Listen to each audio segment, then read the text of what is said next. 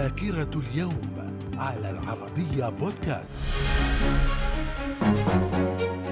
أهلا بكم إلى ذاكرة اليوم الثامن والعشرين من فبراير ففي العام 1870 السلطان العثماني عبد العزيز الأول يصرح باستقلال الكنيسة البلغارية عن بطريركية القسطنطينية. في العام 1922 المملكة المتحدة تصدر تصريحا عرف باسم تصريح 28 فبراير قبلت فيه باستقلال مصر وقد قبلت الحكومة المصرية برئاسة عبد الخالق ثروت بهذا التصريح. في العام 1900 1942 القوات اليابانية تنزل في جزيرة إندونيسيا خلال الحرب العالمية الثانية. من الذاكرة. ومن ذاكرة الثامن والعشرين من فبراير في العام 1953 جيمس واتسون وفرانسيس كريك يعلنان لأصدقائهما اكتشافهما للتركيب الكيميائي لل DNA بينما كان الإعلان الرسمي عنه في الخامس والعشرين من أبريل بعد صدور مقالهما في مجلة Nature في الثاني من أبريل. في العام 1974 الولايات المتحدة ومصر يستأنفان العلاقات الدبلوماسية بعد سبع سنوات من قطعها. وفي العام 1979 صدور العدد الأول من مجلة ماجد الإماراتية والمخصصة للأطفال. من الذاكرة. ومن ذاكرة الثامن والعشرين من فبراير في العام 1986 اغتيال رئيس وزراء السويد أولف بالما أثناء خروجه من السينما. في العام 1991 العراق يعلن قبوله بجميع قرارات الأمم المتحدة المتعلقة بغزوه للكويت.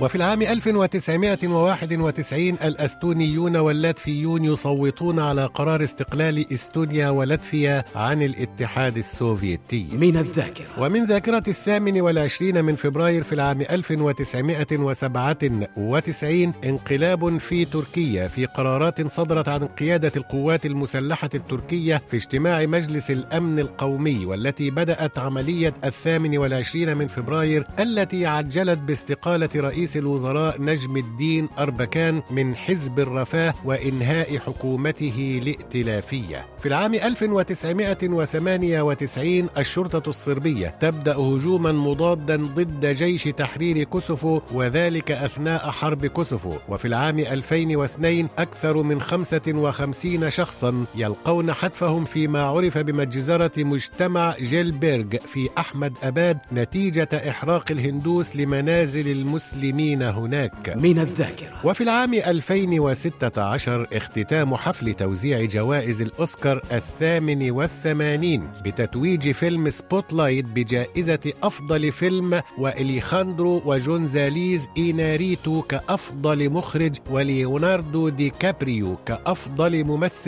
وبري لارسون كأفضل ممثلة. من الذاكرة. إلى اللقاء.